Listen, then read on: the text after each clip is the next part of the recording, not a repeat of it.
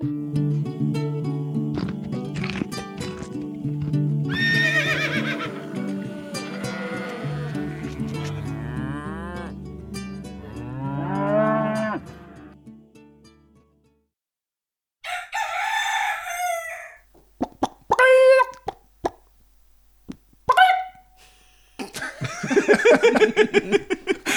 hallo, hallo, og velkommen, kjære lyttere av Gjengevold pludrekast, til denne spesialepisoden. Og som dere hører, så eh, er det en annen som sitter ved spaken i dag. For denne episoden er nemlig viet til eh, eh, å bli litt bedre kjent med disse to merkverdige, nydelige skapningene som driver dette mangesysleriet. Mitt navn er Harald Otto Snøtvedt. Du, Kjetil, du heter Kjetil Austevoll. Yep. Og du, Mari, heter fremdeles Mari Gjengedal. Mm. Hei til dere. Hei. Og Hallo, eh, velkommen til eh, podkasten deres. Tusen Jo, takk. takk. Ja. Det var hyggelig. Så får vi se hvordan dette går, da. Eh, Men det har altså blitt min oppgave å manøvrere oss gjennom lag på lag av disse mangefasetterte, unike menneskene, og fått noen spørsmål fra dere lyttere. Så her ligger alt til rette for en dryg halvtimes dypdykk i Kjetil og Maris virkelighet. Så sett dere godt til rette, og la dere forføre av podkast-danjettenes liflige rytme. Kjør vignett! Bortsett svart det har vi ikke. Få høre, få høre. Så, det var vignetten. Men vi kan begynne teit og enkelt, med, men eh, likevel passende, med et spørsmål fra Bjørn Veen. Bjerkreims eh, store sønn og eh, Gjesdal folkebiblioteks Er det den eh, traktoren igjen? tryne utad. Det er ikke traktor, eh, Kjetil. Slapp Nei. av. Eh, og han ønsker i tillegg samtidig å over eteren å erklære sin store kjærlighet til sin kone Åsta. Så der fikk du den, Åsta, og der fikk du den, Bjørn. Som man roper i skogen, får man svar. Jeg er litt usikker på hva det her er på vei til å bli. Ja, eh, det var spørsmålet jeg skulle stille dere etter dette spørsmålet, om dere fremdeles syns dette er en god idé. Men vi får se. Spørsmålet fra Bjørn er rett og slett Går det bra? Au! Oi, Den satt. Den satt. Men går det bra? I livet, eller i dag, eller Altså nå. Hvordan har dere det akkurat nå? Jeg, jeg har fem millimeter igjen med kaffe i koppen. Det er litt krise. Ja. Utover det så har jeg det veldig fint. ja. Vi Ja. får eh, Vi får eh, haste på Mm. Og bli ferdig før vi går helt tom for kaffe. Det, det, det går ikke. Nei. Men eh, vi kan jo eh, rett og slett eh, begynne med Hvordan har uken deres vært? Hva har skjedd denne uken her? Uken vår har eh, båret preg av eh, frustrasjon over at det fremdeles er tele i jorden, og at vi ikke kan gjøre noe med hagen vår ennå.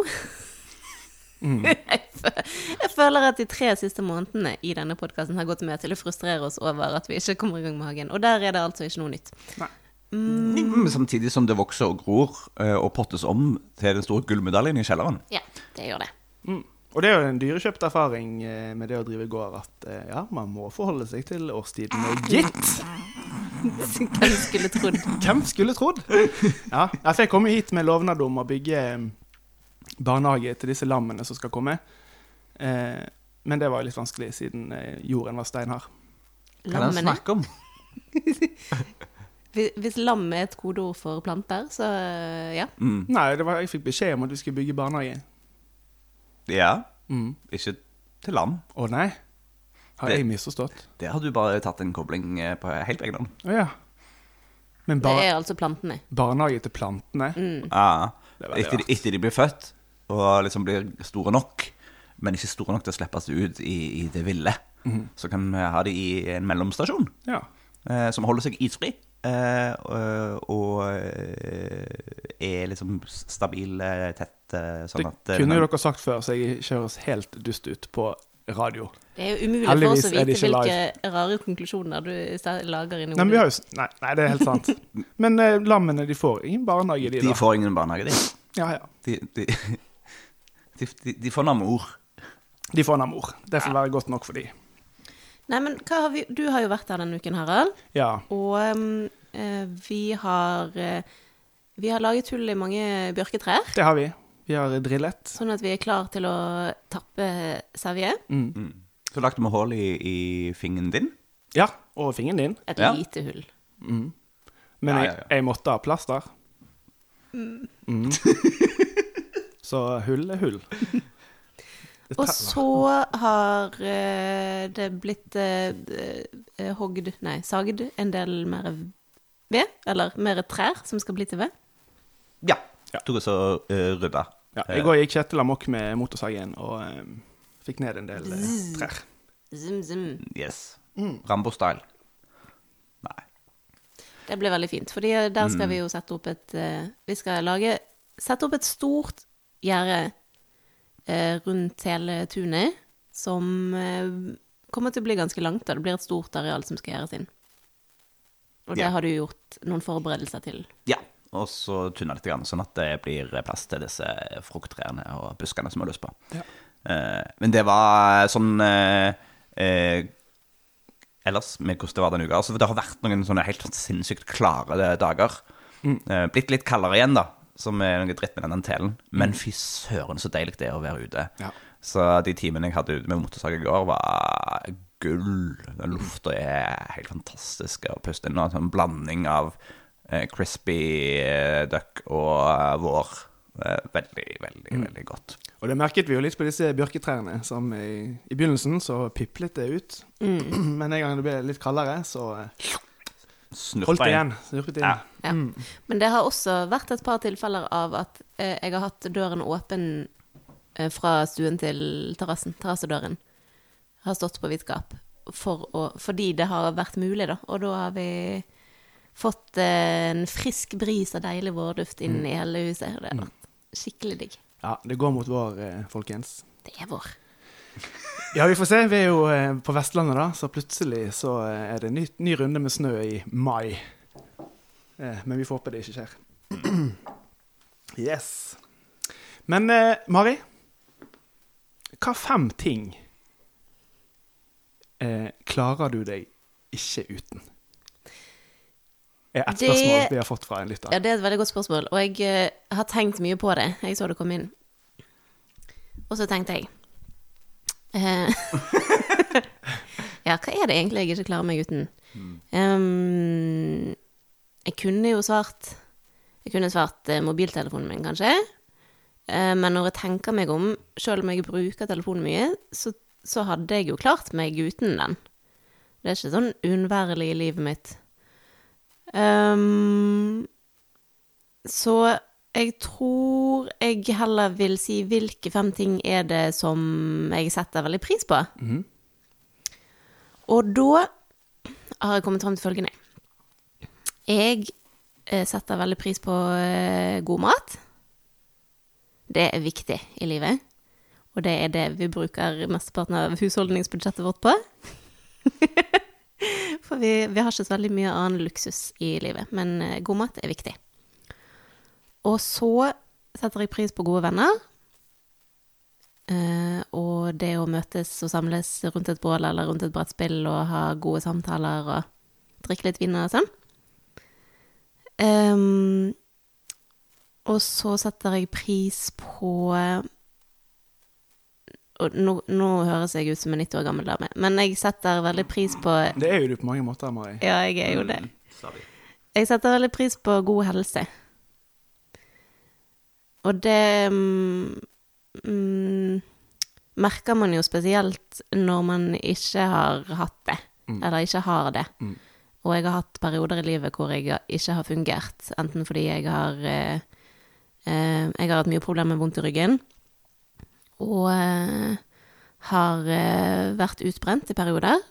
Eh, så det å kjenne på at jeg fungerer, at jeg kan gjøre noe, det er veldig viktig. Og jeg vet ikke helt om jeg liksom husker på å tenke på det hver dag, at jeg er takknemlig for at jeg fungerer. Men eh, nesten hver dag tenker jeg på det. Um, Jeg tror ikke du trenger å være 90 for å kjenne på det. nei.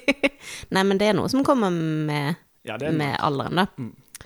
Hvis man har erfaringen og ikke er fanget i kroppen, eller kroppen ikke funker, Ikke så setter man jo pris på det. Mm. Mm. Og så uh, setter jeg eh, veldig pris på å være aleine. Det er ganske eh, viktig for meg å ha litt aleinetid til å eh, Ja, jeg vet ikke. Jeg, jeg eh, er jo en sånn person som, som får energi av å være aleine. Og som trenger litt tid til mitt eget hode og mine egne tanker. Eh, Får du, så- får du mer av det her enn eh, ditt tidligere liv, holdt jeg på å si? Det er flere steder å gå og være alene. Mm. Det er veldig nyttig. Um, men så opplever jeg jo egentlig òg at vi får vi får jo mer besøk her enn det vi har gjort før. Plutselig er vi interessante folk å komme og dra på besøk til. Så det betyr jo at vi egentlig, vil jeg si, har et ganske sosialt liv til og med i den eh, covid-tilværelsen. Noe som er kjempefint, men som også kan være litt påtrengende for min del, da, som trenger litt alenetid. Um, men uh, Men stort sett så går det jo greit når man kan trekke seg litt unna. Mm. Um, og det siste jeg kom på at er ganske viktig for meg, er eh, kreativitet.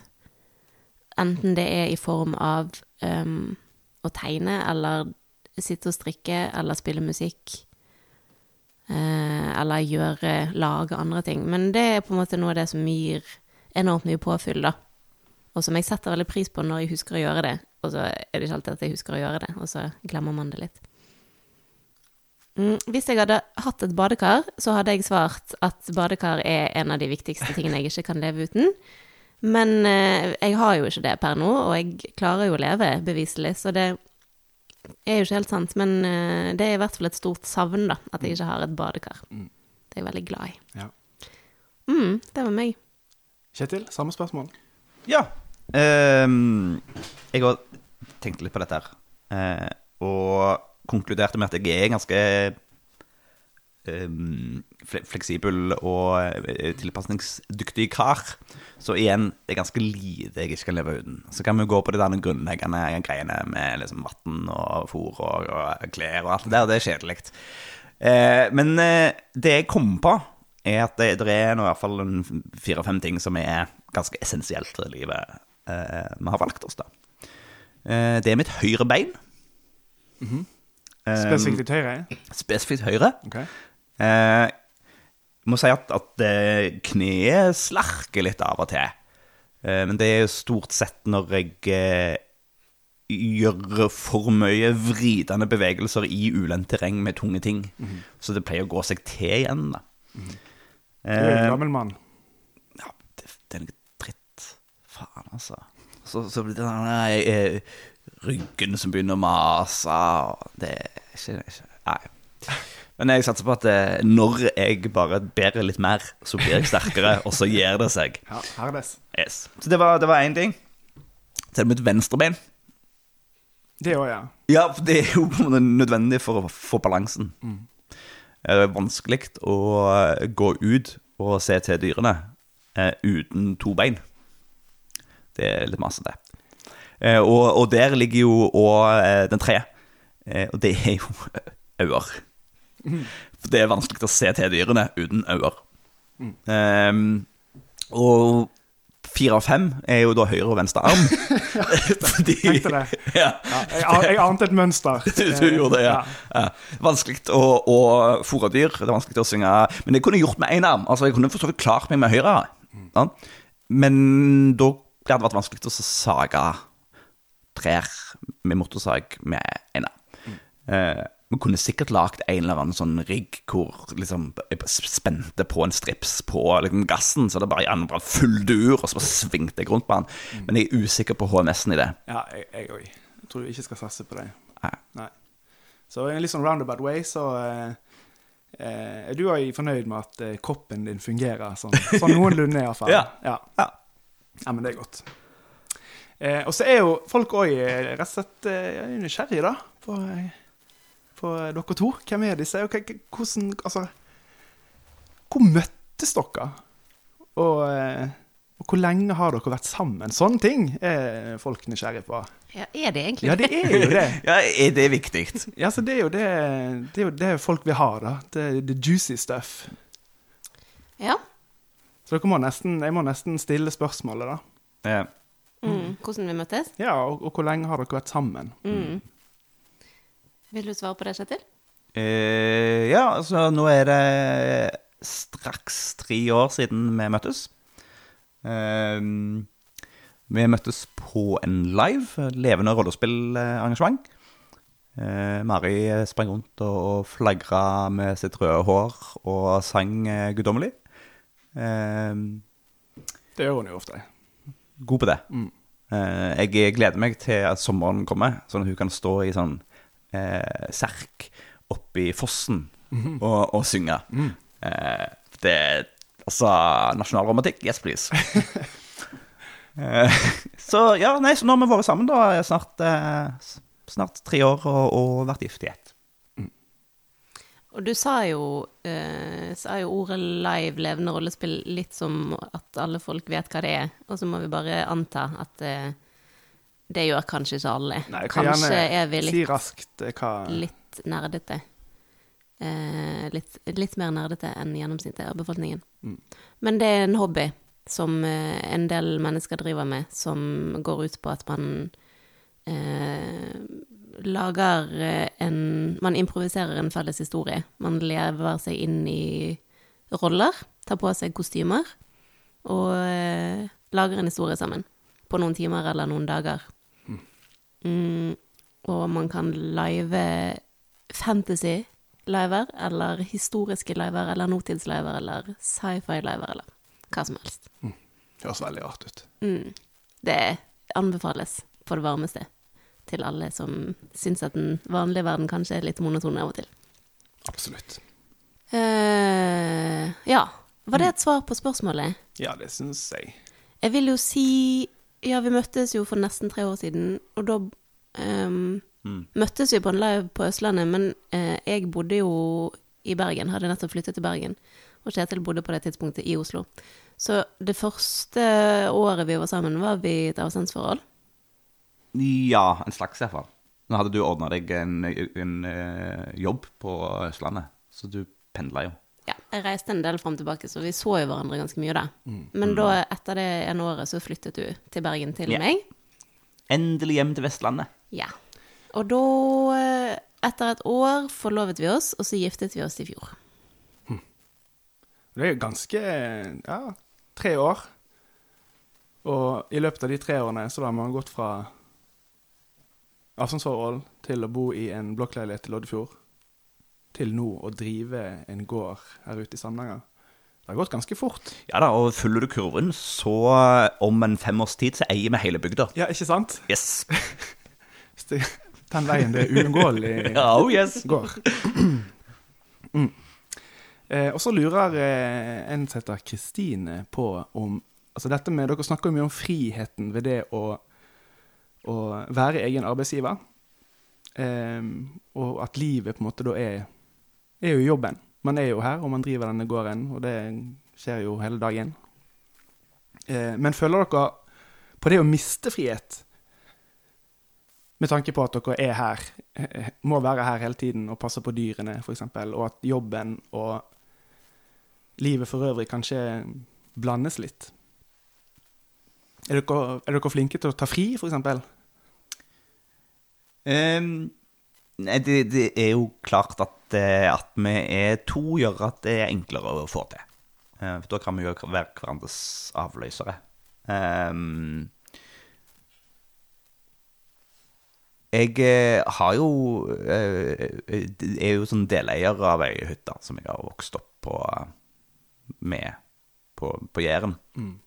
Ute i havgapet der. Eh, og det begynner å bli en stund siden vi var der sist. Eh, og det blir nok en stund til at vi kommer oss der til igjen.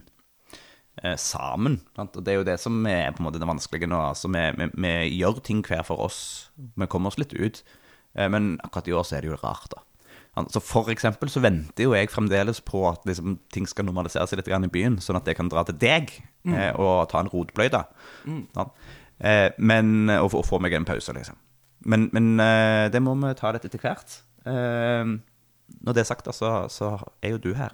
Eh, og vi holder jo på å indoktrinere deg Ja. så godt vi klarer. Ja. Du skal jo være avløseren vår. Ja. ja. Ja, så vi håper at disse filmprosjektene går til helvete. ja jeg, jeg skjønner at dette her er, ja, er rett og slett et indoktrineringsprosjekt. Eh, men, men jeg er jo eh, er jo med på det, på en måte. En gjør det jeg frivillig. gjør det frivillig. Ja. Eh, så får vi se hvor godt emnet jeg er til å, til å være avløser på sikt. Ja. Nei, altså eh, Det, det trenger man jo. Det er jo viktig å, å indoktrinere sånne folk som meg. Som, Ja. eh, det, det er helt eh, nødvendig. På et eller annet tidspunkt så, så, så skal vi komme oss vekk begge to samtidig. Ehm, men ehm, friheten i å velge hva tid jeg gjør noe, og den gleden av å gå i dette landskapet, så langt eh, veier det opp mm. de, en måte de pliktene som er knytta til dyrene. Eh, ganske kraftig. Nå er, velger jo vi òg en driftsform som i ganske stor grad, iallfall foreløpig, eh, og krever relativt lite eh, arbeid med dyrene. Sånn at det eh, Jeg, jeg kan, iallfall med litt planlegging, gjøre alt jeg trenger å gjøre med dyrene på liksom kvarter halvtime. Eh, og da går det òg an å allikevel få frihet til å komme, altså, gjøre andre ting da, ganske enkelt. Eh, det er klart at hvis vi nå kommer i gang med melking på et eller annet tidspunkt, så blir jo ting mer komplisert. Men foreløpig så er det at vi har utegangere. Eh, de, de har fri tilgang på vann. Eh, et- etter hvert som beitet blir bedre, så, så finner de fôr. Og, eh, og det går an å fôre mye, og så har de en stund framover. Og sånne ting. Så eh, Men men jeg tenker eksempel på um, Det at det er jo ikke um, det, er jo, det er jo nok av ting å gjøre hele tiden. Det det er jo masse som kan og bør og skal gjøres i all uanskuelig framtid. Eh, så det der å, å klare å ikke tenke at man hele tiden burde gjort noe Klarer dere det? Nei. Nei. Kjenner dere på det? Ja, Ja. Ja. det snakker vi om stadig vekk. Og ofte på podkasten òg. at eh, vi, vi burde være flinkere på å ta pauser, og ta pauser med god samvittighet. Mm. Og så øver vi oss masse. Og Ja, Det er fremdeles vanskelig. vi har, eh, vi har en eh, strategi på at vi skal ta fri hver søndag. Eh, Er liksom målet og avtalen, som vi ikke alltid klarer, men, men stort sett har vi klart det ganske greit i det siste. Jeg vet ikke helt om vi klarer å slappe av på søndagene, men vi har i hvert fall sagt at vi skal ikke jobbe. Så da blir jo neste steget å faktisk klare å slappe av òg. Men um, mm, jeg vil også svare på spørsmålet. Yeah. Vær så god, Mari. For jeg har hatt et par sånne eh, Hva skal man si Litt sånn eh, panikkøyeblikk hvor jeg har tenkt Å nei! Nå kan jeg aldri mer ta en spontantur til New York eller reise tre uker til India. Um, og så har jeg liksom følt veldig på eh, savnet ved å oppgi den muligheten. Og så har jeg begynt å tenke Men det har jeg jo heller aldri gjort Nei, sant. i mitt liv. Um, og da, ok, da jeg var i 20-årene, i en periode i 20-årene, så hadde jeg jo en forestilling om at jeg skulle Når jeg ble voksen, så skulle jeg eh, jobbe med utviklingsarbeid i fattige land. Og, å være en sånn som reiste rundt i verden og deltok på FN-konferanser og kanskje var diplomat eller et eller annet sånt som det. Um, og så skrev jeg en eh, master hvor feltarbeidet mitt var i, på landsbygden i Etiopia i en måned.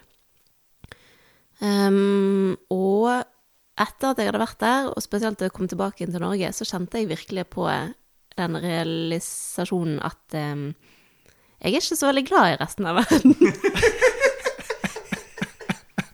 Egentlig. Det går, eh, det går helt greit for meg å bo i Norge og ikke reise så mye. Um, Og så skal ikke jeg si at jeg ikke setter pris på å ta en uke i Italia eller reise rundt på landsbygden i Frankrike eller noe sånt men jeg har ikke jeg har ikke det der globetrotterbehovet. Nei. Um, men når det er sagt, så har jo frihet alltid vært veldig viktig for meg. Altså den der eh, følelsen av at jeg, jeg kan gjøre det jeg vil, når jeg vil, og ingen skal bestemme hva Mm. For jeg det kan gjøre og ikke gjøre. Mm. Og så plutselig er jeg i denne situasjonen her hvor jeg eh, kan ikke det. Mm. Jeg har eh, For det er noe med opplevd frihet og faktisk frihet. Ikke sant?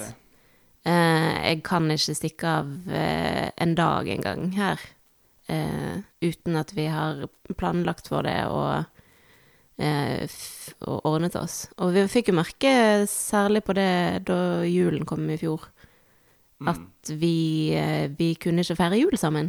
Mm.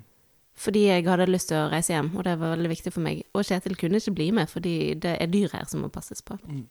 Så det var jo vår første sånn virkelig sånn Ai, der vi virkelig fikk kjenne på at shit, vi har, vi har et ansvar her, og vi kan ikke dra fra denne plassen. Mm. Noe som gjør at man føler seg veldig stedbunden, da. Og det kommer jo på en måte ikke til å endre seg så lenge dere har dyr. Dere må Nei. Men eh, Så det er Men jeg tror, jeg tror nok at eh, det ikke er så veldig annerledes enn den følelsen mange føler når de får barn, og at livet plutselig endrer seg, og at man ikke kan være spontan på den måten man var før, og, og ansvarsløs, holdt jeg på å si. Men at man fremdeles kan gjøre ting med planlegging. Mm.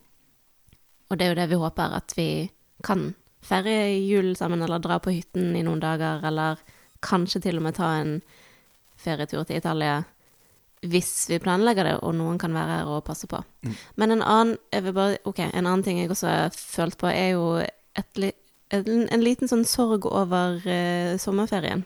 Mm -hmm. um, for det er jo noe ved å være bonde som ikke andre har, at uh, vi planlegger for at sommeren er høysesongen vår. Ikke bare skal vi dyrke grønnsaker, hvor mesteparten av arbeidet er om sommeren, men vi planlegger òg å ha besøksvirksomhet og kafédrift om sommeren, når folk har ferie og har tid til å komme hit. Noe som betyr at vi ikke kan ha ferie. Ja. Eh, når det er mest deilig å ha ferie i Norge, nemlig på sommeren. Ja, det Så det vil jo si at alltid når vi har Eller alltid når vi kan ta ferie, så er det midt på vinteren. Mm. Um, det har jeg ikke helt um, avfunnet meg med ennå. Eller jeg har ikke come to terms med det, tror jeg. Men det jeg eh, Ja, nei, jeg har tenkt litt på det sjøl. Um, og det vi skal passe på å få gjort, er på de der ekstra gode dagene. Eh, Tillate oss sjøl å ta en halv dag, og så dra og bade. Ja, Altså, det må hvert fall vi kan få gjort ganske mye på tre timer før lunsj, liksom. Og det i, i rykken opp så må det være nok. Og det må kunne gå an å være eh, spontan. Og, og nyte sommeren. For sommeren er jo der allikevel. Selv om vi ikke på en måte har fri hver dag hele tida. Ja, og det er jo sommeren vi lever for. Alle sammen. Er ikke det det? Hele den der eh, lange, traurige vinterperioden, så gjør vi ikke annet enn å glede oss til sommeren. Nei. Og da ville det vært for ille at når sommeren først kom, så hadde vi ikke tid til å sette pris på det. Nei. Men eh, på sikt så eh, kommer jeg til å Eller så kan jo jeg være her en uke og prøve ikke å ødelegge stedet. Eh, mens dere får reist på en liten ferie. Eller jeg eller noen andre. Ja. Det, det må være målet sånn på sikt, at dere også skal kunne ta iallfall litt tid ja det hadde vært fantastisk. om sommeren også. Mm. Ja. ja. for det er jo viktig for meg òg. Og jeg, sommeren er jo ofte høysesong for min del, og jeg jobber stort sett hele sommeren. Men jeg tar meg alltid en eller to uker i løpet av den perioden. For det, det er viktig. Mm. Det må man gjøre. Vi kan lære av Harald. Kjetil. Kan det. Mm. Harald er kan, eh, smart. dette kan vi snakke om etterpå. Skal jeg gi dere noen tips? um, og så er jo folk nysgjerrige på, um, på dette stedet, da. Eh, nå vet jo de litt om hva dere driver med, altså lytterne deres, i denne pludrekassen, for det snakker dere om hele tiden. Eh, men jeg vet ikke hvor mye dere har snakket om, eh, om hva som skal skje. Planene fremover. Nei, der har vi jo kanskje ikke snakket så veldig konkret fordi vi ikke har visst helt sjøl. Og så er det jo litt skummelt å snakke høyt om planer som kanskje ikke kommer til å skje. Ja. For ja, tenk hvis vi sier at dette vil vi gjøre, og så får vi det ikke til. Nei, men det kan jo Altså, tentative planer er jo planer. Ja. Men vi kan jo si litt om eh, ja, kanskje, vi, kanskje vi kan ta hver vår tur på å prøve å beskrive hvordan denne gården ser ut om, Om fem år, si. om fem år. Ja. Skal det liksom bli en konkurranse da? Dette er jeg usikker på om jeg tør. Det er jo Jeg kommer bare til å få smekk når jeg er mindre, mindre vågal enn deg. ja. Men jeg tror det, jeg tror det ligger mye eh, kraft i det å klare å formulere noen uh, Eller visualisere. Ja, for har dere formulert noe for dere sjøl, i det minste? Jeg, jeg har det inni hodet mitt. Ja, som du egentlig ikke har delt Og kanskje med- delvis uh, sammen med Kjetil. Ok. Vi har jo noen byggeprosjekter, eller byggeplaner, på gården. Mm. Um, vi har lyst til å bygge en, en liten hyggelig hytte, som kan bli et overnattingssted. Og så har jeg lyst til å um, renovere et gammelt hus som er her. Vi har um, det som folk kaller for kysjo på denne dialekten, eller eh, Ky- ky- Kysjo. Kysjo. Ja, noe sånt. Um, uthuset uh, er det eldste bygget her, som, er, holder, ja, som er ganske forfallent, da. Og det har jeg veldig lyst til å renovere og utvide litt, og uh, på sikt kunne bruke som eh, eh, kurslokale og serveringslokale. For en liten forsamling, da. Ikke noe svært. Em, så det har vi lyst til. Og vi har også snakket om behovet for en um, ny driftsbygning. Mm. Um, og det Vi har jo en driftsbygning allerede, og jeg har alltid sjøl tenkt litt sånn åh, det er så typisk bønder å ikke bruke ikke bruke det de har, og bare lage noe nytt når de egentlig ikke trenger det.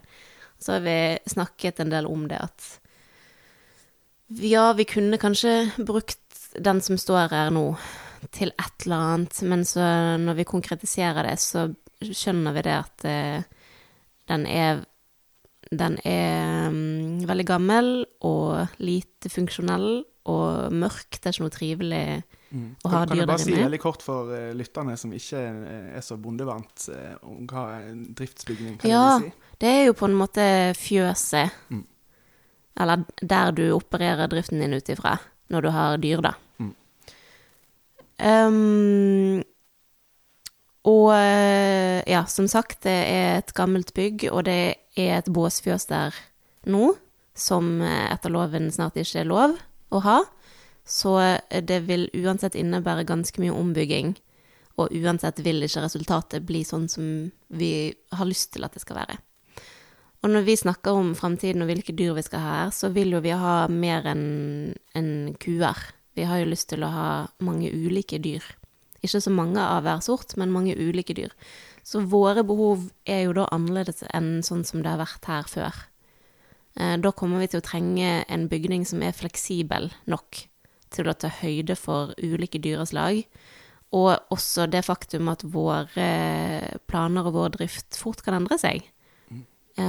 Vi kanskje plutselig finner ut at vi skal ikke ha, ha kuer i det hele tatt. Kanskje vi skal ha noe annet. Eller kanskje vi Ja, jeg vet ikke. Det em, Ikke ha kuer? Jo, jeg Jo, du må jo ha ku. men, men poenget er i hvert fall at, um, at dette er jo et prosjekt som er i stadig utvikling. Mm. Og plutselig så må vi tilpasse oss uh, både nye pålegg og kanskje krav fra kunder, og kanskje våre egne interesser. Plutselig oppdager vi noe helt nytt. Så trikset blir jo på en måte å klare å utforme et bygg som kan ivareta Ivareta de funksjonene og ha fleksibilitet nok til at vi også kan endre litt på de. Mm. Men når det er sagt, sånn bygninger aside, så er jo min visjon for denne gården om fem år at det skal være et, et eh, levende og aktivt sted med mange ulike dyr og mange ulike folk. At vi ikke bare er en plass som produserer mat, men også produserer eh, aktiviteter og fellesskap. Um, at vi kan ha kursvirksomhet eller servering eller aktiviteter som gjør at folk kommer hit og samles her, får gode opplevelser og aller helst samtidig lærer noe om eh, bærekraftig matproduksjon. At vi, vi kan være med og bidra til en eh, bevegelse. Drive litt folkeopplysning, rett og slett. Ja. Mm. Det er jo eh, det ideelle.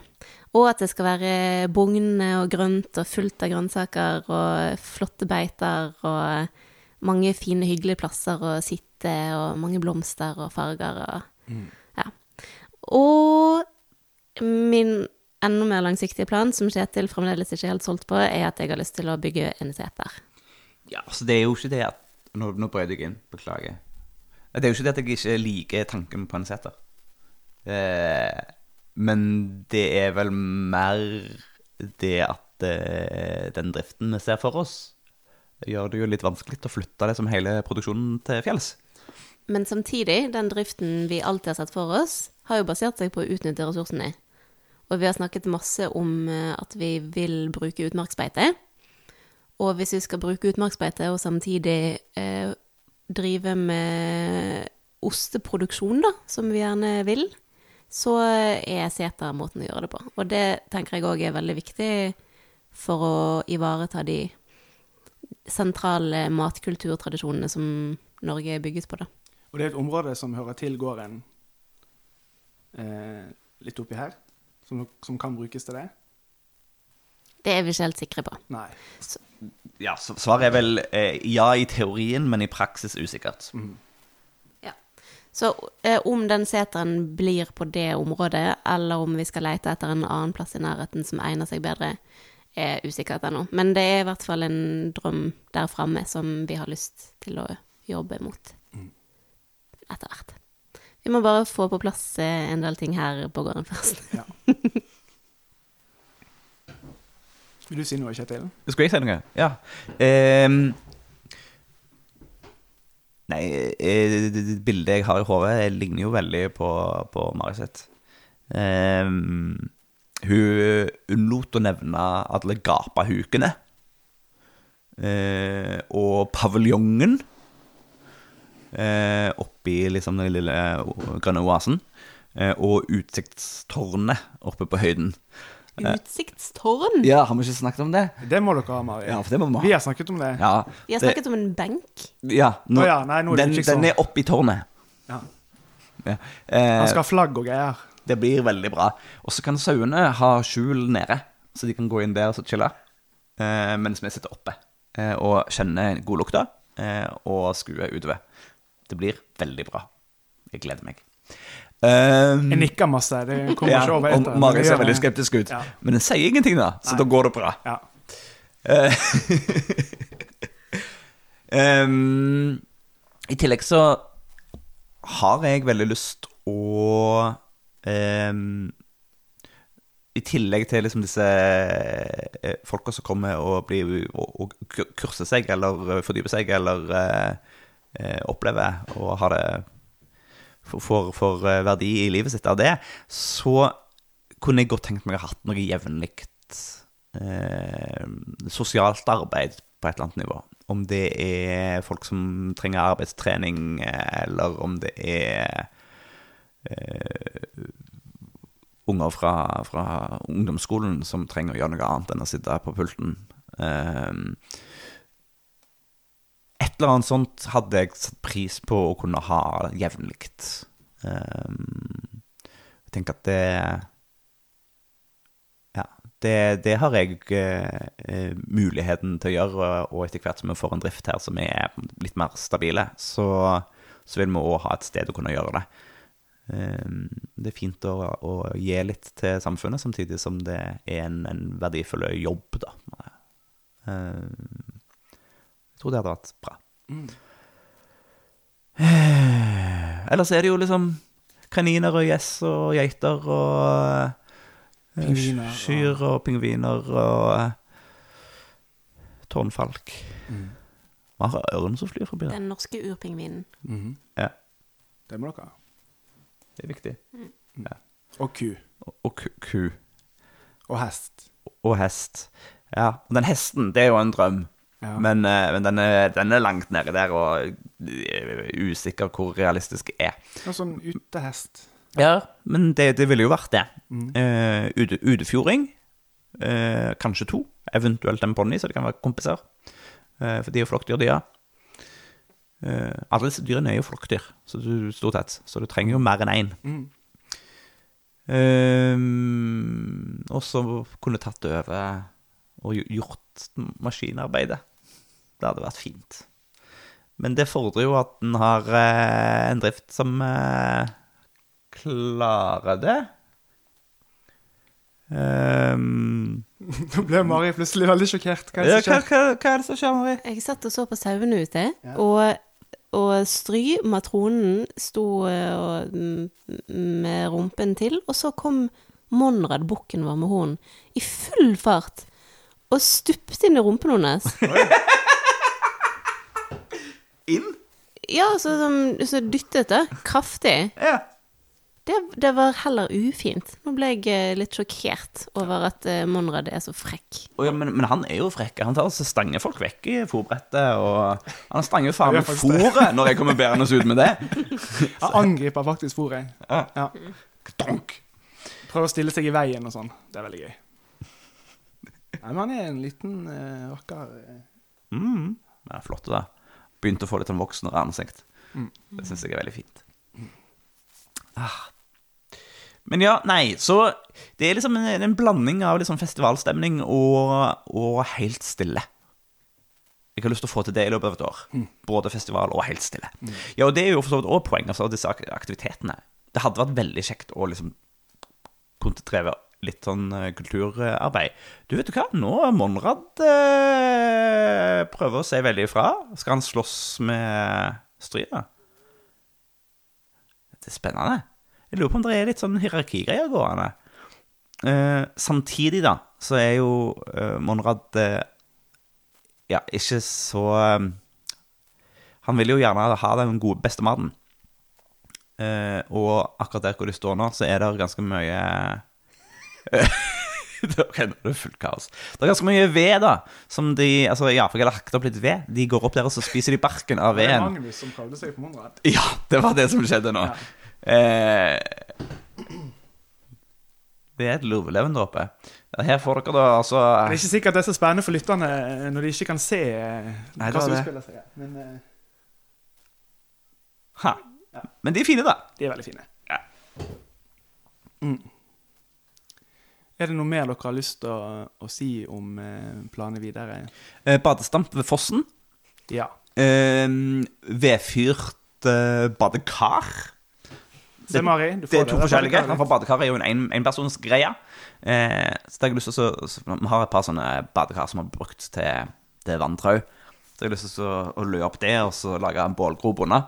Sånn at du kan eh, koke deg sjøl over bålet. Det er jo fint. Ja, det, det tenker jeg òg. Ja. Eh, og så eh, tenkte vi å kunne eh, snakke litt om eh, Rett og slett hvordan dere endte opp her, på et vis. Altså ut ifra hva, hva bakgrunn har dere? Sånn Kjetil som kommer fra eh, Stavanger, eh, Byas. Eh, og Mari som riktignok kommer fra land på Askøy, men boligfelt Askøy. Eh, hvor, kommer liksom denne drivkraften til å drive gård, og drive på den måten dere gjør? gjør? Var det et vanskelig spørsmål? Det er mystisk. Ja. mystisk gøy. For det er veldig vanskelig å svare på. Det er ingen, ingenting i vår bakgrunn som tilsier at vi skulle havne her. Nei, sant? For hvor tror dere dette kommer fra? Ja, altså, jeg har, har jo en måte alltid vært eh, Jeg blir, så distrahert i disse søvnene. Beklager. Eh, men jeg, ja Jeg begynner begynner å bli redd for at Stry ikke har tatt seg tidligere. Men eh, det var voldsomt sent å begynne å ri på det nå. Eh, kanskje vi får en sensommerlamming. Eh. Anywho! Anywho. Ehm, nei. Eh, jeg setter veldig pris på å være ute. Eh, sånn natur og dyr og sånt blir jeg veldig glad av. Og det har jeg eh, blitt ganske lenge. Eh, og i den sammenheng tenkt lenge at å, jeg skulle gjerne hatt liksom, den plassen til å ha, ting og ha meg sjøl. Eh, men det kommer jo aldri til å skje, for det, da måtte jeg jo leve av det, og det vet jeg at det ikke går. Eh, fordi jeg eh, har kjent meg sjøl godt nok til å tenke at jeg ikke eh, har overskuddet til både å jobbe og drive. Altså, jeg må gjøre det ene eller det andre, da. Um, men det, altså, det kommer jo ikke helt ut av det blå, da. Jeg har eh, besteforeldre som har drevet gård mens jeg vokste opp, og onkler som tok over, og vært med på liksom, melking og Som Eksponert for gårdslivet Ja. fra tidligere. har jo det. Mm. Um, så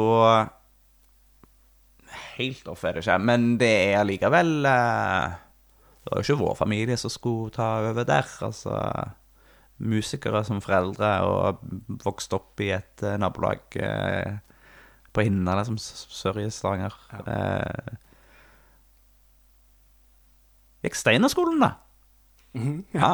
Ja. Ble, ble utsatt for mye forskjellig der. Mm. Eh, praktisk, det. Mm. Da er det liksom ingenting som, eh, som jeg ikke har vært bitte litt borti. Mm. Så det er lettere å få hodet rundt alle disse forskjellige nye greiene. Jeg må lære meg Jeg har vært eksponert for en del av det fra før av. Eh, men eh, ja, nei, så det er jo Mariussen sjøl at det ble realistisk. Mm. Mm. Ehm, vi har jo egentlig litt sånn eh, sammenlignbar bakgrunn, da. Mine foreldre møttes på lærerhøgskolen på musikklinjen, begge to. Og vi òg er en sånn musikk- og eh, kreativ familie, i stor grad. Eh, ingen gårdstilknytning, annet enn at farmor eh, kommer fra et lite, lite småbruk. Um, men mamma var jo hun rare på Askøy som kjørte til en obskur garasje en gang i uken for å hente de økologiske grønnsakene som var å få tak i på Vestlandet. Ja. Eh, og vi hadde alltid hjemmelaget mat. Laget fra bunnen av. Eh, og jeg òg har alltid satt pris på å være ute. Sånt eh, miljø og natur har jo vært veldig viktig for meg. Det, men det var vel først i 20-årene da jeg hadde engasjert meg, begynt å engasjere meg i miljøbevegelsen, og etter hvert begynt å lære en del om hvordan miljø og matproduksjon henger sammen og påvirker hverandre, og hvor viktig um, miljøvennlig og bærekraftig matproduksjon er for, for verden, og for naturen, og for oss mennesker, og for dyr, og for alt. Mm. At jeg liksom virkelig begynte å, å lære mer og bli mer engasjert i matproduksjonen, da, og bondedelen av det. Eh, og så ballet det egentlig bare på seg, fram til jeg eh, skjønte at eh, ja, når jeg, når jeg blir stor, så, er, så vil jeg ha gård. Eh, men jeg kom jo til det fra et helt teoretisk standpunkt, Mhm. og har ikke tatt i noen gårdsredskaper, eller gravd i jorden, eller jobbet i et fjøs, eller noen ting som helst, Nei. før jeg kjøpte denne gården. Bratt læringskurve. Veldig bratt. Mm. Men er det ønsket om å drive gård, altså den måten å jobbe, jobbe på, eller er det det idealistiske aspektet som veier tyngst? For min del er den jo det idealistiske. Og alle sier jo at det er et dumt utgangspunkt å begynne en bedrift eller starte en gårdsdrift ut ifra. Um, men for meg er det hele motivasjonen at vi kan bidra til noe som er større enn oss sjøl, og utgjøre en forskjell i verden. Og så er det samtidig um, den måten jeg har lyst til å leve livet mitt på. Den livsstilen. For jeg har brukt veldig mye tid og mange år av mitt liv på å sitte på et kontor og knote foran datamaskinen. og eh, bo i blokker og ikke kunne dyrke noe. Ikke Altså knapt nok på en balkong, liksom. Og det savnet etter å være koblet på Koblet på jorden og prosessene som skjer i naturen, og leve i takt med årstidene og skape noe sjøl gjennom fotosyntesen og solenergi og det her. Det, mm, det å bygge noe og skape noe med hendene og se konkrete resultater er gir veldig mye mer glede. Og mange kan jo kjenne på det. Altså kjenne på ønsket og kjenne på at det hadde vært deilig. Og mange som drømmer om, om gårdslivet og den måten å, å leve på. Eh, men så er det noe ganske annet å faktisk gjøre det, da. Og ta det skrittet. Og hvordan skjedde det egentlig med dere to? Hvordan fant dere to sammen ut av at dette gjør vi faktisk? Jeg kan prøve å svare ganske kort på det, for vi har ikke så mye tid igjen. Der tror jeg jo egentlig at jeg hadde en ganske ferdig formulert plan inni hodet mitt før jeg møtte Kjetil. For da hadde jeg kommet fram til, til den eh, målsetningen om at en, en gang, om helst ikke så veldig lenge, så har jeg lyst til å kjøpe en gård og få det til å funke. Og så møtte jeg Kjetil, og heldigvis så var det veldig lett å selge inn den planen til han òg. Sånn at det ble vårt felles prosjekt. Um, og så um, var vi litt usikre på når i løypen det skulle skje. Vi hadde lyst til å starte noe for oss sjøl, og brukte også ganske lang tid på å planlegge å starte en kafé. Og da var planen at vi først skulle starte en kafé, og så drive den i noen år, og etter hvert som den gikk bedre, så kunne vi skaffe oss et småbruk på si, og så begynne å bygge opp det. Og så kunne det liksom bli det livslange prosjektet. Ja.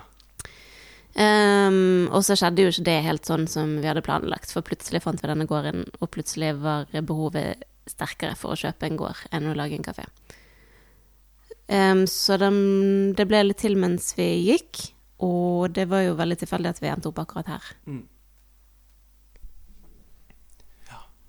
Vil du legge til noen ting, Kjetil? Ja, det var jo min feil at uh, vi snudde rundt på det. For det var jeg som etter vi hadde vært og sett på, jeg kom hjem og sa vi må, vi må gjøre det andre veien. Vi, vi, vi må på gård nå. Takk og pris for det. Ja. Eh, til slutt eh, så eh, Altså, det der å starte opp noe sånt er jo én ting. Eh, men så skal man jo også forholde seg til, til et helt nytt lokalsamfunn. Eh, og hvordan har det vært? Hvordan har liksom mottagelsen vært? Eh, også mottagelsen, eller eh, Hvordan forholder andre bønder seg til, eh, til dere? Nå blir det egentlig en del spørsmål samlet, samlet i ett, da, men alt handler om deres nye tilværelse her, altså lokalmiljøet, eh, forholdet til andre som driver. Eh, altså hva holdninger møter dere hos andre bønder? Både i, både i nærområdet, men òg eh, ellers. Og det at dere er nye og uerfarne, gjør vel at det er mange som ønsker å gi dere tips. Nå har jo du en offisiell mentor, eh, og har en uoffisiell mentor. Ja. Eh, men det er vel også andre Altså, ja. Ja, ja, ja. Folk- som sier 'Kjetil, du må skaffe deg en traktor'. For kan ikke drive gård uten Ja, traktor. nei, det går ikke an. Det blir jeg fortalt stadig. Mm. Eh, Så det er mye velmente råd der ute. Og det tenker jeg jo er jo eh, essensielt, da. At det, det er jo velment. Eh, Det er ingen som kommer for å trekke, tråkke Tråkke? Trekke? Sitt, eh, sitt liv over hodene på oss. Det er ikke det som er poenget. Eh, men eh, eh, Ja, så det er jo velment eh, råd. Eh, selv om det kan bli litt mye av det eh, av og til. Men eh, jeg tenker vi kan ta det et par hakk tilbake. Altså det med eh, Dette er jo et forholdsvis lite samfunn her ute. Altså Det er en liten kommune på 2500 mennesker. Eh, det er veldig synlig når noen flytter til bygda. Eh, og det er jo òg definitivt veldig synlig eh, når noen tar over en av de gårdene og bedri- bedriftene da, på en måte, som, som har vært eh, en del av det offentlige rommet her. Eh, så alle vet jo Nei, ikke alle. Men det er jo mange som vet hvem vi er, mm. og var bevisst, visste at vi kom. Eh, og i det så har vi fått veldig mye koselige tilbakemeldinger. Det er sinnssykt mye folk som heier på oss. Eh, det er ganske stas. Mm. jeg, de, de naboene vi har rukket å treffe, er kjempekoselige. Og eh, eh, det er bare hjelp og gode ønsker å få. Eh, dessverre så er jo året i år så rart som det er, sånn at vi fikk jo aldri gjort den der med store invitere hele dalen eh, på, på uh, Vitjing. Eh, sånn at det er jo masse av de lokale folka vi ikke har møtt ennå. Det er liksom ikke året hvor det er naturlig å renne ned dørene til hverandre. det. Men det får dere sikkert anledning Dere kommer jo til å være de nye i ganske lang tid fremover uansett. Ja, det blir noen år med det. Ja. Ja, jeg føler jo at vi ikke har blitt en del av lokalsamfunnet ennå. Altså at vi ikke er integrert, nettopp fordi at vi ikke Vi vet ikke hvem folk er. Vi er liksom Vi har ikke rukket å oppleve en, en dagligdags situasjon her ennå. Vi har vår egen lille eh, hule her. I, Og den årlige basaren ble jo eh, avlyst, så vi kunne ikke dra på den heller. Nei. Så dere har ikke blitt utsatt for noe byg bygdedyr ennå, eksempel? Ikke som vi vet om. Nei. I Nei. så fall så eksisterer det dyret utenfor vår bevissthet. Jeg lurer på hvor godt bygdedyr lever, sånn generelt, under korona. Ja, det kan godt eh, være at bygdedyret sliter litt nå i pandemitiden, altså. Det er ikke sikkert det er noe særlig bygdedyr å snakke om her. Jeg tror at vi har en del fordeler, da. Vi har den fordelen at vi kommer utenifra, uten noen kontakter til noen i denne bygden fra før, og uten noe bagasje med gamle familiehistorier og sånn. Så vi er på en måte et rent eh, blankt ark i denne bygden. Det er veldig lite folk kan, kan ha imot oss, eller ha å snakke om oss på noe negativt vis. Og sånn ønsker vi at det skal fortsette. Og når det kommer til andre bønder, så tror jeg òg at det er en fordel at vi eh, ikke har noen bakgrunn som bønder. At vi kommer ut av det Nei, at vi kommer inn i det uten masse forutinntatte holdninger og Um, og på en måte vedtatte sannheter som er nedarvet i generasjoner. Så mange bønder har det. Den her eh, traktormyten, eller du må drive sånn og sånn, eller det går ikke an å dyrke noen ting i Norge, du må bare drive med beitedyr, eller alt mulig sånn. Um, forestillinger som mange bønder har, og der tror jeg at vi har den fordelen at når vi kommer utenfra, så, så tar vi ikke alle sånne vedtatte sannheter for god fisk, da. Vi stiller nye spørsmål og tenker kanskje at ting går an å gjøres på en annen måte. Ehm, men det betyr jo òg at når vi er helt ferske og ikke legger skjul på at vi er det, så er det mange som vil hjelpe oss. Noe som stort sett er bra, og av og til eh, kan bli litt mye. Men, men, Men jeg tror at vi tiltrekker oss den typen bønder vi vil ha noe med, da. Ikke sant. Fordi når jeg leser Når jeg følger sånne bondegrupper på Facebook og ser den type mennesker og den type kommentarer og diskusjoner som foregår der, så tenker jo jeg at fy søren, bønder er Bønder er ikke folk jeg har lyst til å være venner med. Men alle bønder jeg kjenner, er jo kjempehyggelige mennesker. Mm. Så jeg tror nok at vi har en tendens til å tiltrekke, tiltrekke oss de menneskene vi setter pris på. Ja. Så dere har ikke fått så mye sånn dere er naive og Nei, men det er en del som, som er veldig opptatt av å si at dette er masse hardt arbeid. Ja. Men det vet jo dere jo. Ja. Ja. Det, det er jo eh, både gårdsdrift og eh, bedriftsoppstart i ett. Så selvfølgelig er det masse hardt arbeid.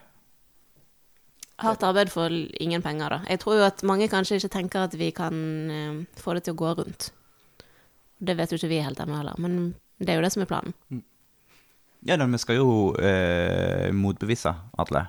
Eh, vi skal jo bevise at det går an å leve, på, leve av et lite bruk. Eh, om det er nok til å, å livne oss begge to, det vil jo tiden vise. Men eh, skal i alle fall kunne være én person som driver og lever av et bruk. Det er jeg helt sikker på. På en idealistisk måte. Og Ja, og det er jo hele tida den der vurderingen da, som er litt vanskelig. Det er jo det økonomiske lure versus det idealistiske. Ja. Så der må vi jo hele tida gjøre noen avveininger. og om det skal være praktisk og tilrettelagt, eller estetisk vakkert, for Ja. eksempel. Aller helst begge deler. Ja. Mm. Og at det går an å gjøre begge deler. Definitivt. er jo også noe man kan prøve å bevise. Mm. Ja. OK, folkens. Men det tror jeg rett og slett var det vi rakk. Nå er vel eh, tiden eh, rent ifra oss. Tusen takk, eh, Mari og eh, Kjetil. Ja, Takk eh, sjøl, Eh, Joran. Og eh, takk, eh, kjære lyttere, for at dere eh, er med. Mm. Eh, aner ikke hva som kommer til å skje eh, neste episode. Eh, men det Ikke vi heller. Nei, men det blir spennende. Det vi kan avslutte med å si, da, Mm. er jo det at eh, hvis du syns det er hyggelig å høre på denne podkasten, og eh, spesielt hvis du syns det er hyggelig at vi av og til eh, har gjester, sånn som i dag med deg, Harald, så er vi altså i den situasjonen at vi er nødt til å kjøpe inn litt nytt utstyr. Ja. En ny mikrofon og en, eh, et lydkort eh, med en mikser og sånn. Um, så dette er en skamløs oppfordring til alle der ute som hører på, om å gi oss eh, noen slanter, så vi kan kjøpe det utstyret. For vi, vi tjener jo ingen Dette er jo bare et utgifts, Ja. en utgiftspost, denne podkasten. Um, Tydelig oppfordring der, altså. Kast penger på Kjetil og Mari ja. for bedre podkast. Og det kan du gjøre ved å, å vippse et valgt beløp, en tier eller en femtilapp eller en hundrelapp, til eh, Gjengevold mangesysleri. Du finner oss på Vips ved å søke på Gjengevold, eller så har vi da Vips nummeret 61 97 94. 61 97 94 der, altså. Mm. Hei, tusen takk. Ha det bra! Ha det bra.